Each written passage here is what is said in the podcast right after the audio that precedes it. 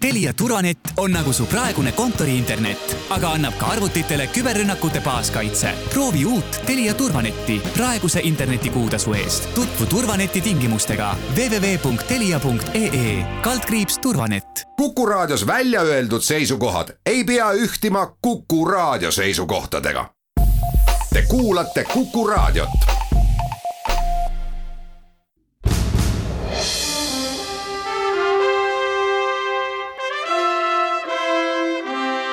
vahetund Postimehega.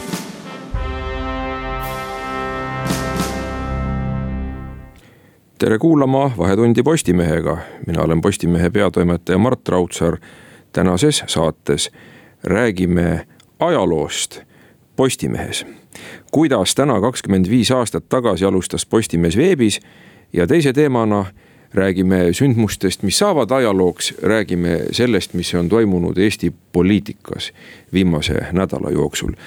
Läheme teemadega järgemööda siis saatesse ja esimene teema täna kakskümmend viis aastat tagasi, sel teemal on minuga koos siin stuudios kaks härrat. Jaanus Lillenberg, kes töötas toona Postimehes, aga praegu on meil ta tööl ERR-is IKT direktorina, mis lahti seletatuna tähendab info ja kommunikatsioonitehnoloogia direktorit. ning Aivar Reinap, kes tuli Postimehesse natuke hiljem, aga on siia ka nüüd püsima jäänud viieteistkümneks aastaks. nii et on üks meie raudvara enam kui viieteist, viieteistkümneks aastaks. kakskümmend üks aastat jah. just nii ja kes on praegu peatoimetaja asetäitja, tere.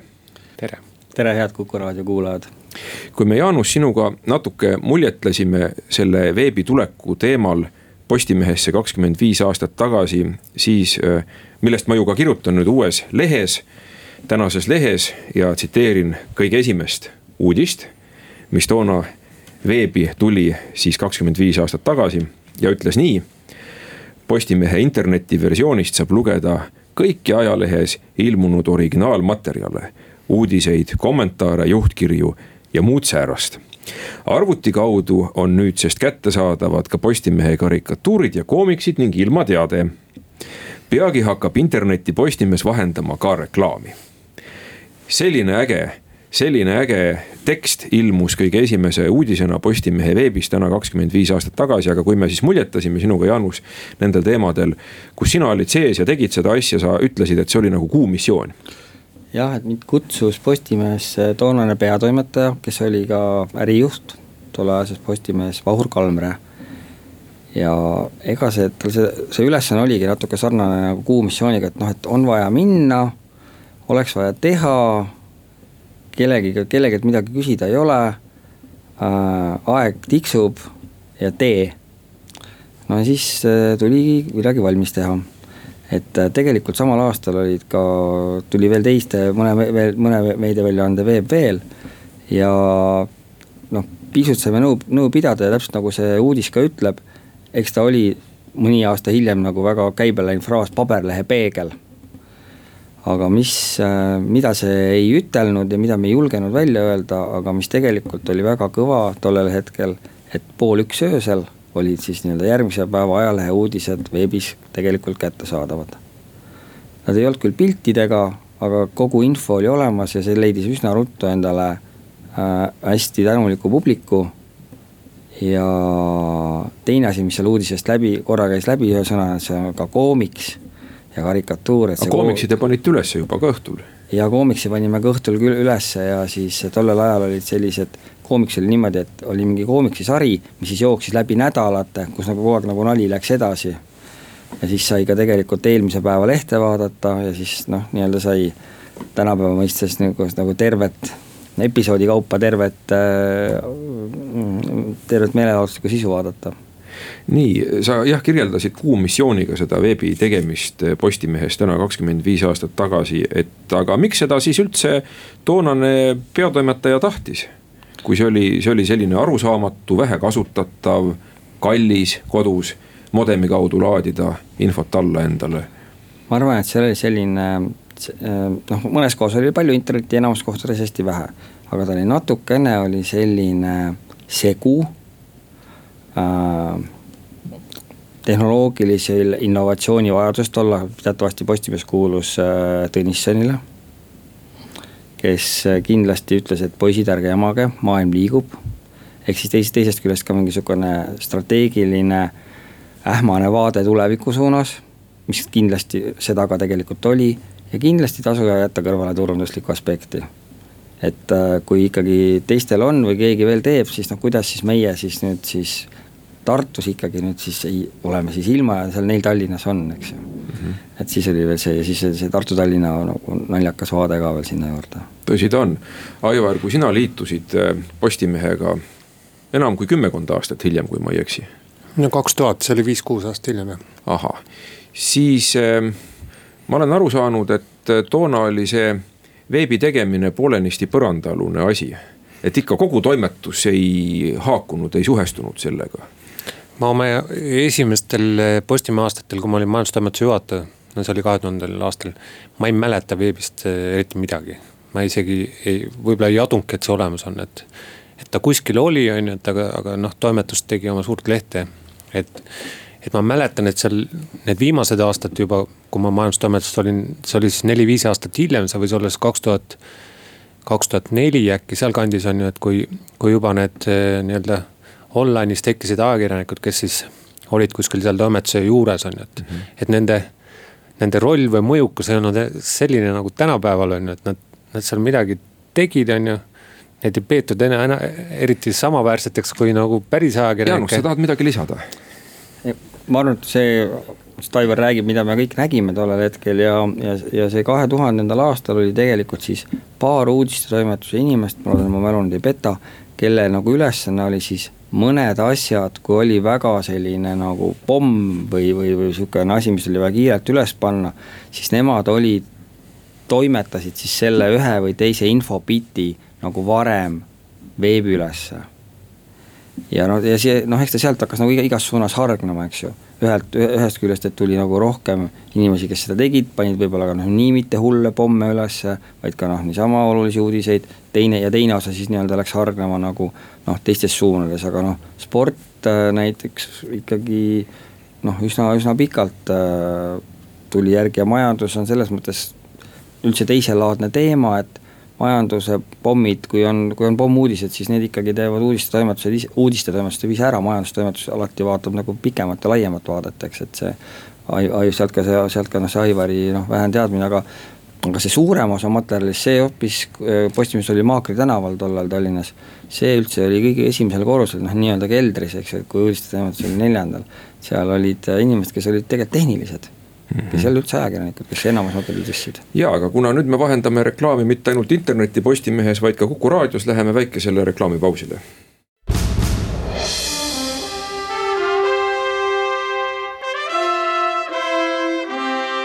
vahetund Postimehega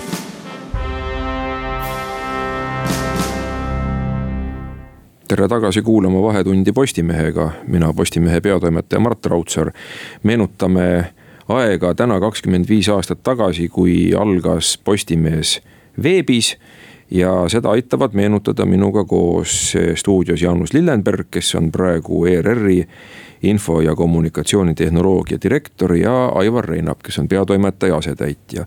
ja jäime selle juurde pooleli enne reklaami, et eks ta oli natuke niisugune põrandaalune värk, algul põrandaalune sellepärast see veebi tegemine Postimehes, et ülejäänud toimetus tegi ikka põhiliselt lehte ja see oli õige ja kõva asi, aga see veeb oli niisugune natuke nii noh arusaamatu ja pisike. seal ei olnud isegi sellist vastandamist, selles mõttes, et ta oli nagu ikkagi pigem nagu noh, nagu, nagu mingis mõttes trüki ettevalmistuslik tegevus, mina sain oma esimesed töötajad näiteks küljendustiimist äh,.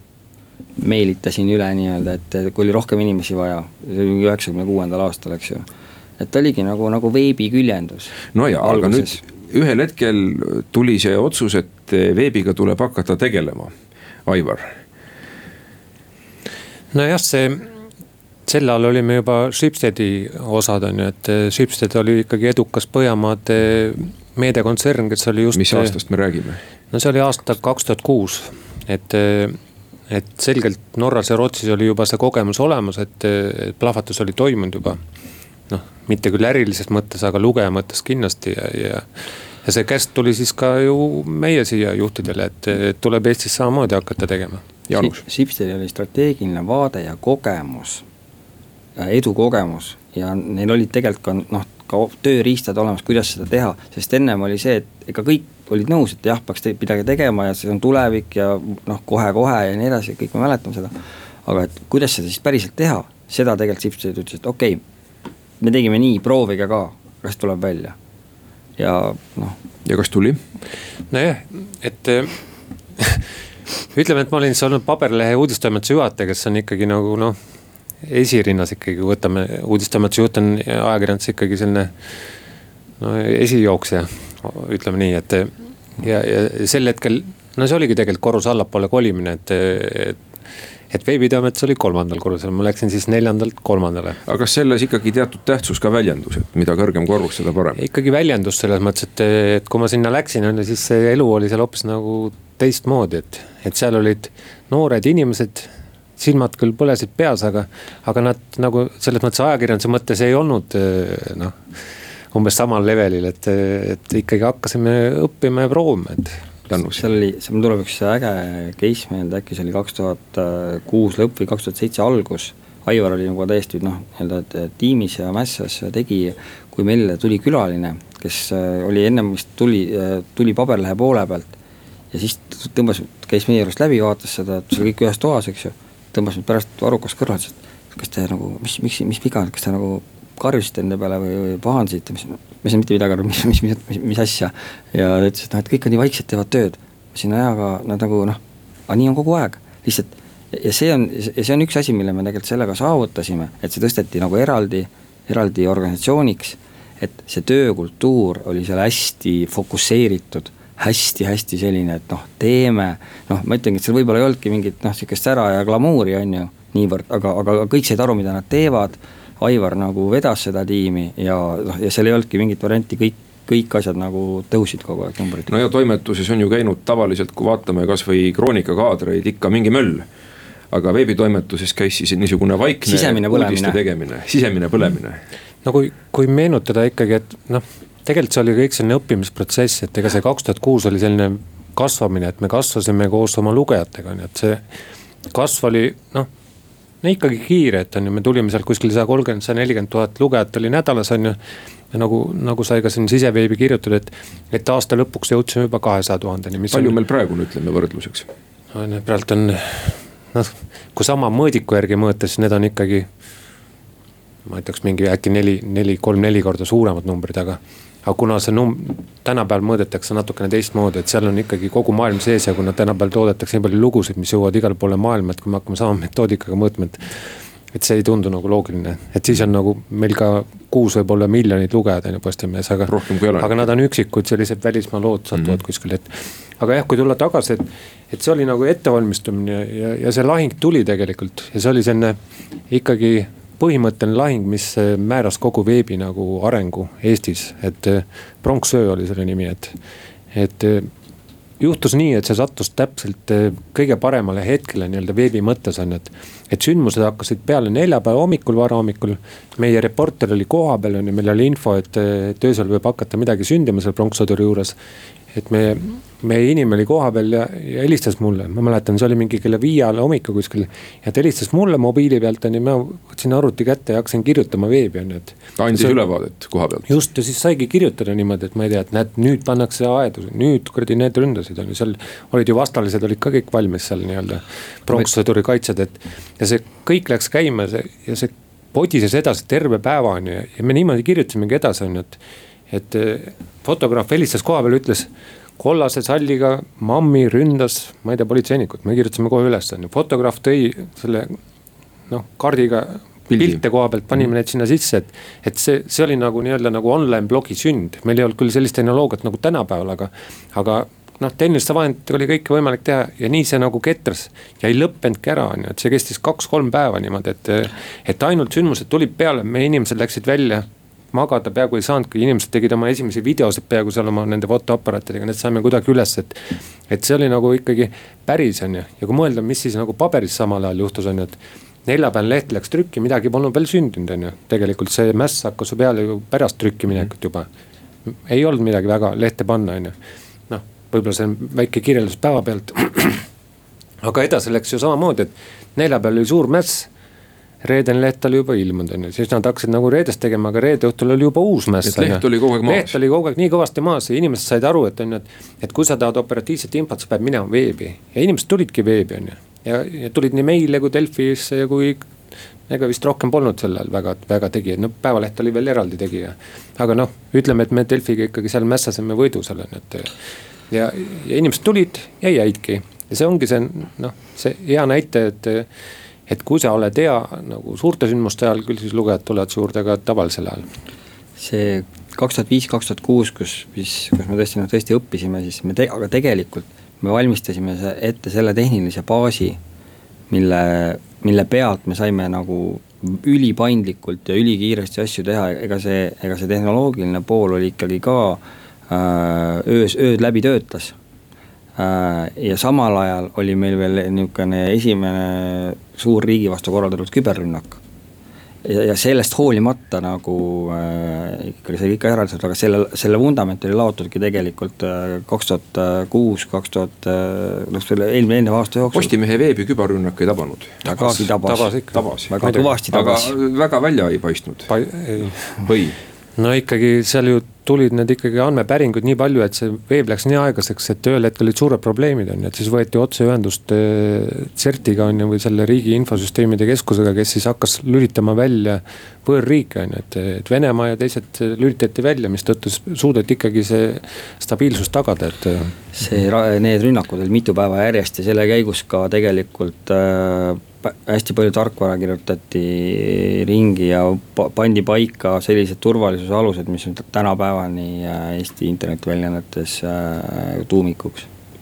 et kui hakkavad tulema massiliselt sellised pahatahtlikud päringud, siis need jäetakse kõrvale? see oli ainult üks vektor, et neid oli mm. erinevaid, mitut, mitut sorti rünnati seal olid nii kommentaariumid kui muud ka, et ja seal ju tekkis veel kommentaariumis nii-öelda veel riigivastane laine, kus kutsuti üleskutsele riigi vastu mässama, et. et seal ikka tuli nagu mitmel rindel nagu korraga teha. ja kui me nüüd lõpetuseks vaatame seda, kuhu veeb võiks edasi areneda, siis ega veeb ei ole ju päris valmis saanud, kuigi ta on ikka palju kaugemale jõudnud, kui ta oli meil kakskümmend viis aastat tagasi, loomulikult me näitame pilti ja videot ja mida kõike veel, rääkimata otseblogidest, aga kuhu edasi?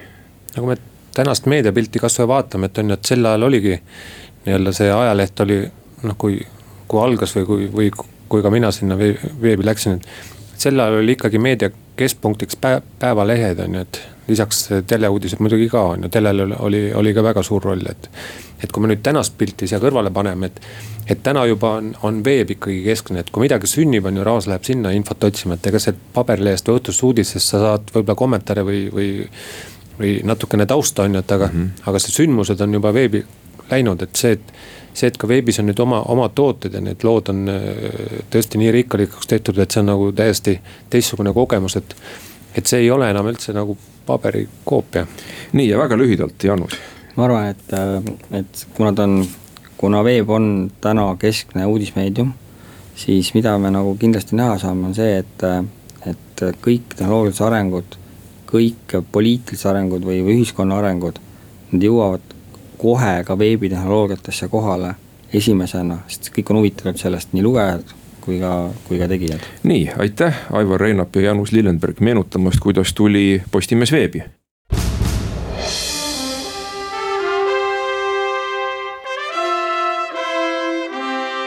vahetund Postimehega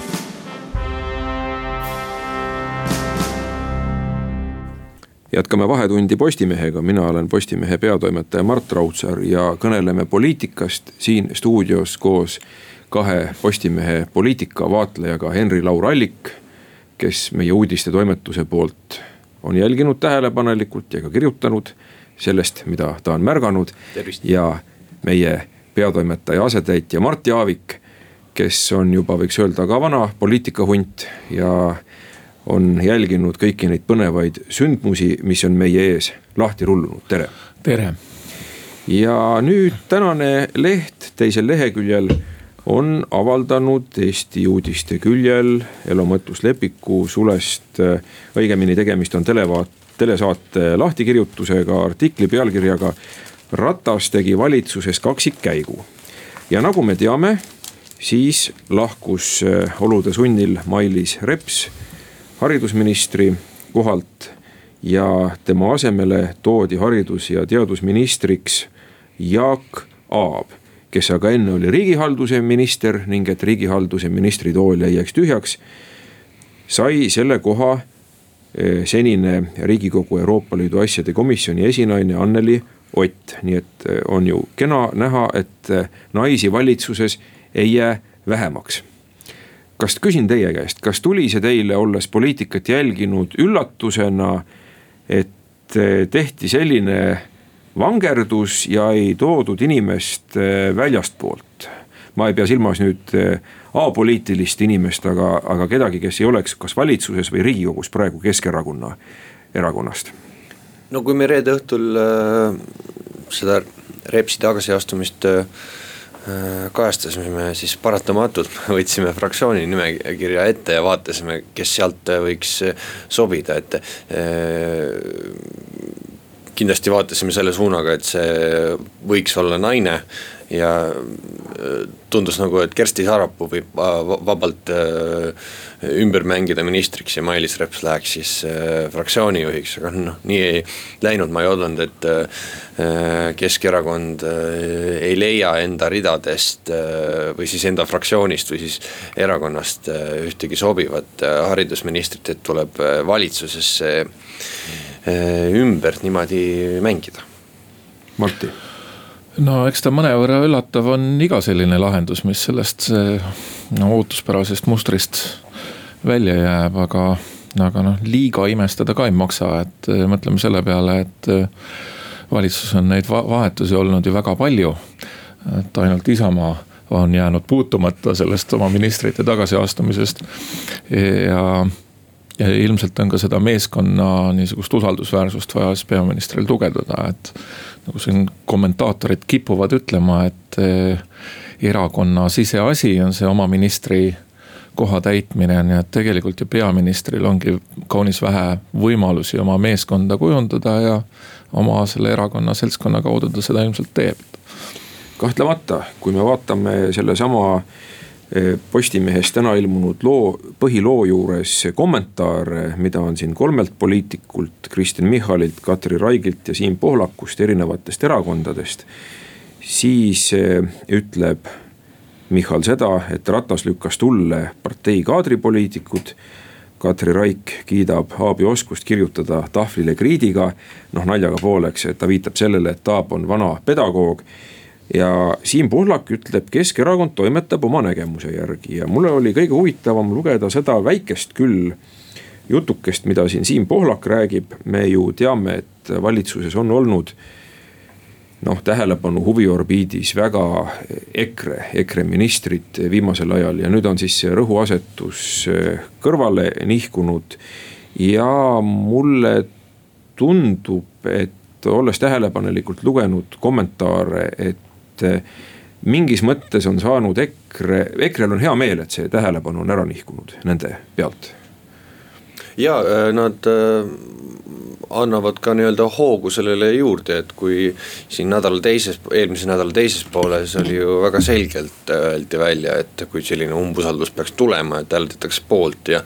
Äh, Mart Helme ka mm, pühapäeval raadios äh, andis veel äh, jõuga juurde ja nimetas, jah, jah, ja nimetas isegi ütles, et Reps vassis veel rohkem kui Gert Kingo näiteks et eh, EKRE-l on, eh, oli kindlasti hea meel, aga samas märgiti ka ära, et eh, nüüd loodetakse, et Reformierakond siit kuidagi sisse ei lipse, noh, see oli ka kahtlus, mis ei osutunud tõeks siin näd-, terve nädalavahetuse tööl olles, eks ole, erinevate inimestega rääkinud ja.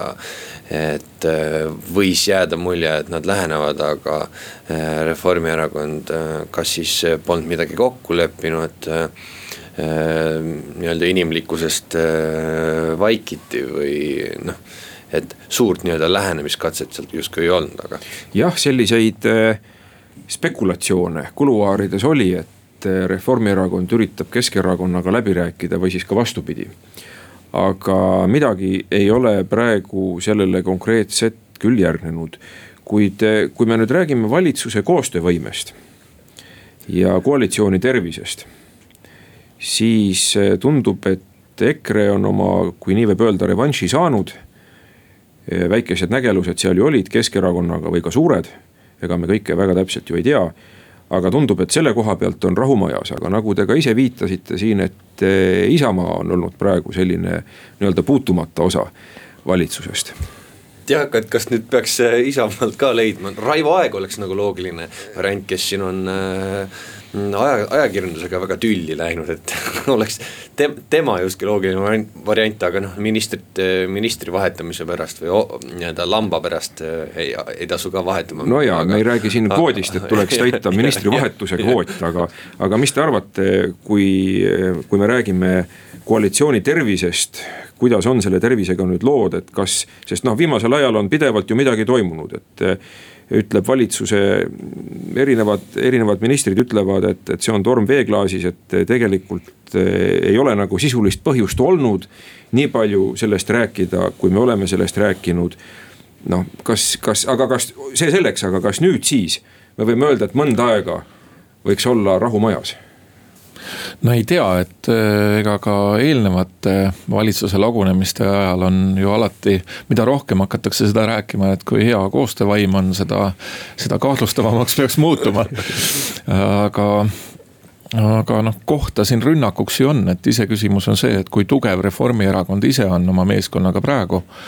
et äh, seda rünnakut ette valmistada ja ja, ja mingisugust tulemust siis välja tõmmata sealt, aga üks huvitav asi, kui sa küsisid Isamaa kohta, on kahtlemata see, mis sellel parempoolsete tiival toimub, et äh, mina ootan väga suure põnevusega seda, mida hakkab Lavly Perling rääkima varsti.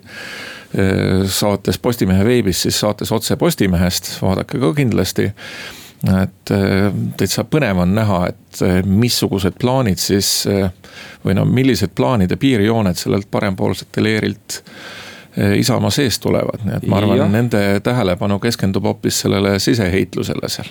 ma kuulsin Lavly Perlingut eh, ütlemas midagi niisugust, et ta on väsinud ja tüdinud sellest, ma ei tsiteeri praegu, aga mõte oli selline, et ta on väsinud ja tüdinud populismist Eesti poliitikas, et tahab selle tõttu tuua uut sellist nägemust ja hingamist poliitikasse, et kuulame huviga, et mis see siis on no selge see, et parempoolsed äh, nii-öelda esimese nii-öelda löögi koalitsioonilepingule andsid esmaspäeval, kui Siim Kiisler äh, luhtas äh, siis abielu või noh, peatas hetkeks abielureferendumi riigikokku saa-, saam-, saamist, aga noh, selle nagu näha, siis erakonna esimees äh, Seeder parandas kohe ära, et vahetame kiiresti välja, hoiame koalitsioonilepingust kinni. et küsimus on see, et millal äh, Isamaa ja siis parempoolsed lähevad nii tülli, et äh, hakatakse inimesi ütleme erakonnast välja viskama või saboteerimises süüdistama, et millal see no omamoodi huvitav küsimus on ka see, et kuidas saab äh, poliitikat teha olemata poliitikas või olles selline kvaasipoliitik, et äh, parempoolsete toetajana sa ei saa osaleda ju erakonna sisevalimistel mitte kuidagi ja nii edasi, et äh, et need on kõik sellised põnevad vastused, et eh, kui ja minna poliitikasse, siis tuleb minna ikka erakonda ja seal tegutseda, mitte kuskil servas. jah, see on midagi uut ja huvitavat, et olla ühe erakonna fraktsiooni toetaja sinna erakonda astumata, nagu ma aru saan, või, või kuidas see asi. seda võib näeb? öelda suvaline inimene tänaval ka, et ma toetan äh, seda, see on justkui nagu tühine, tühine. kuulame huviga seda intervjuud, aga praegu läheme väikesele reklaamipausile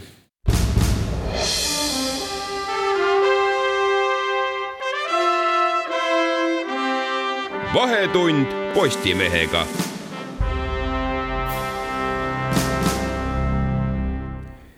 jätkame Vahetundi Postimehega, mina olen Postimehe peatoimetaja Mart Raudsaar, räägime Eesti poliitikast praegu ja tulevikus.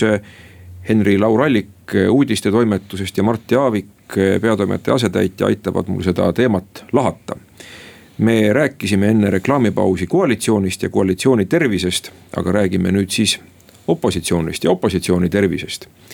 ja mis on minu tähelepanu viimastel päevadel pälvinud, on see, et riigikogu väline erakond Eesti kakssada on pidevalt kasvatanud oma toetust.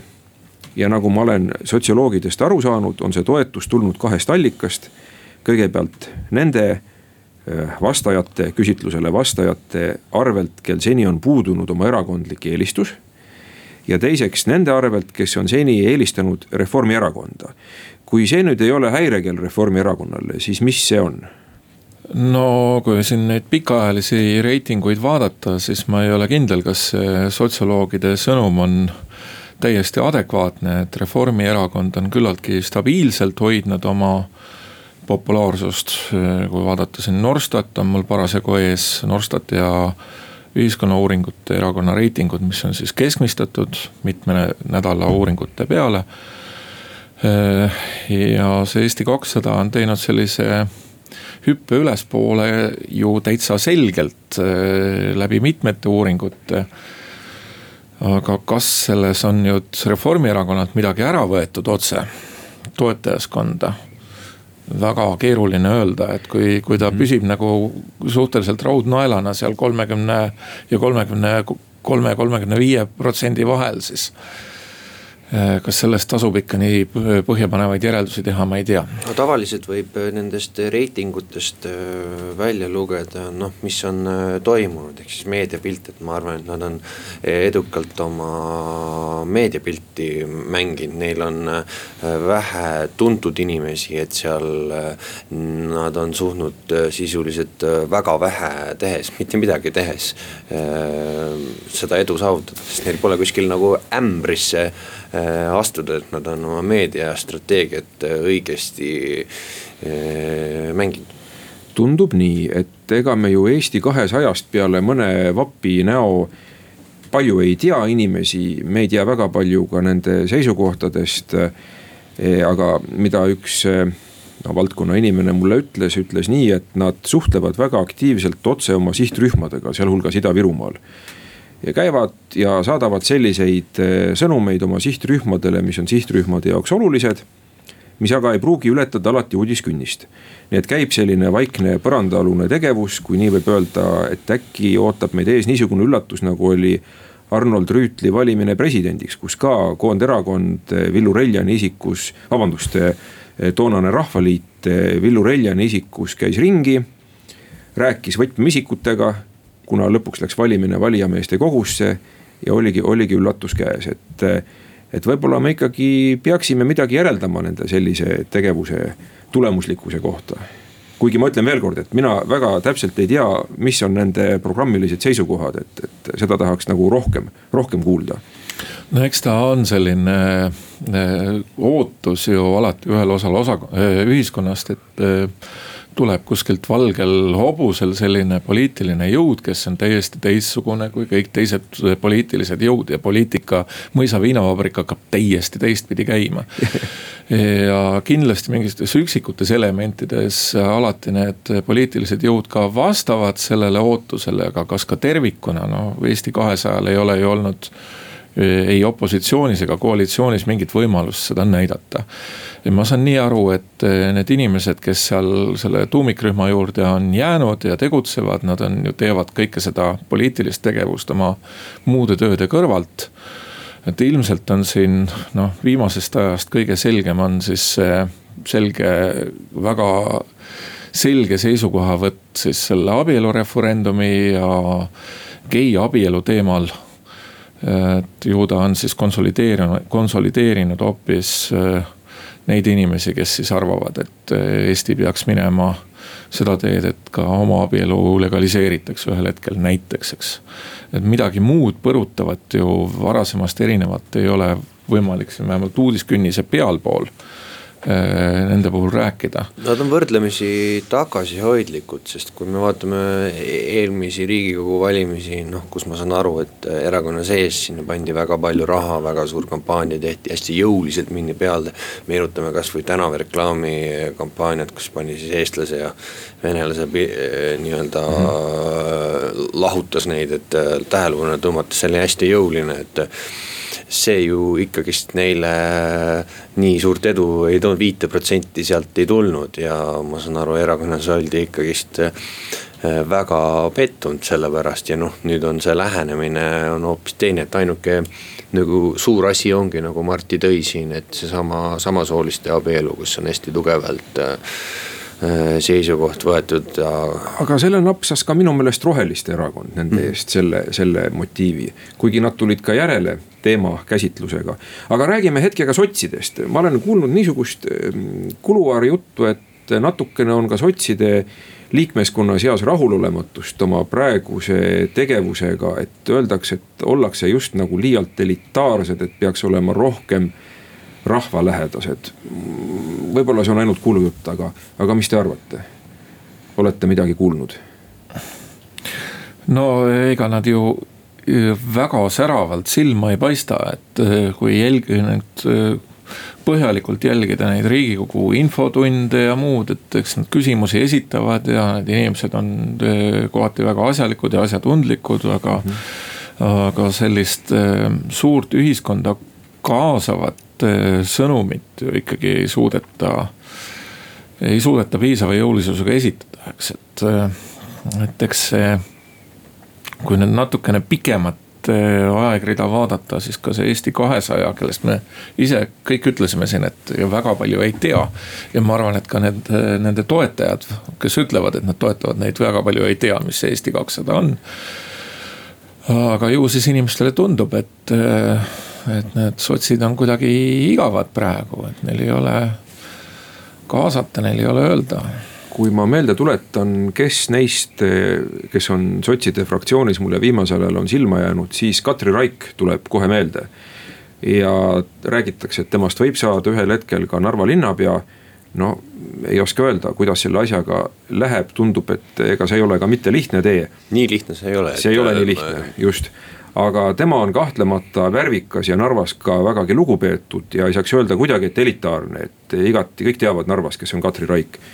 Et ehm, tundub, et niisugusi, niisugusi inimesi ja niisugust, eh, kuidas öelda siis, eh, motivatsiooni oleks vaja natukene rohkem, power'it sotsidele praeguses ajahetkes. Indrek Saar võiks oma näitekunsti varamust võtta midagi, et, et, et siis silma paistaks rohkem, et huvitav ongi, et, et hoopis teiste erialade poliitikud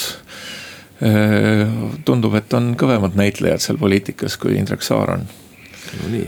jah, sotsidel on riigikogus nad pole eriti mõjukad, nad on noh, ma ei, ma ei tea, kui just, kas just ei, nagu Eesti kakssada, aga, aga nagu Eesti kakssada, ainult Eesti kakssada ei ole seda survet peal, et nad midagi tegema peaks hästi, aga vaatame siis põnevusega, mida toob järgmine nädal ja ka ülejärgmine nädal meie poliitikamaastikule. tänan äh, Mart Jaavik ja Henri-Laur Allik äh, selle vestluse eest. niisugune oli Vahetund Postimehega sellel korral. mina olen Postimehe peatoimetaja Mart Raudsaar. ma saan aru, et Henri-Laur, sina oled selles saates järgmine nädal. ja mina siis taas uuesti ülejärgmine nädal, kõike head seniks teile, püsige terved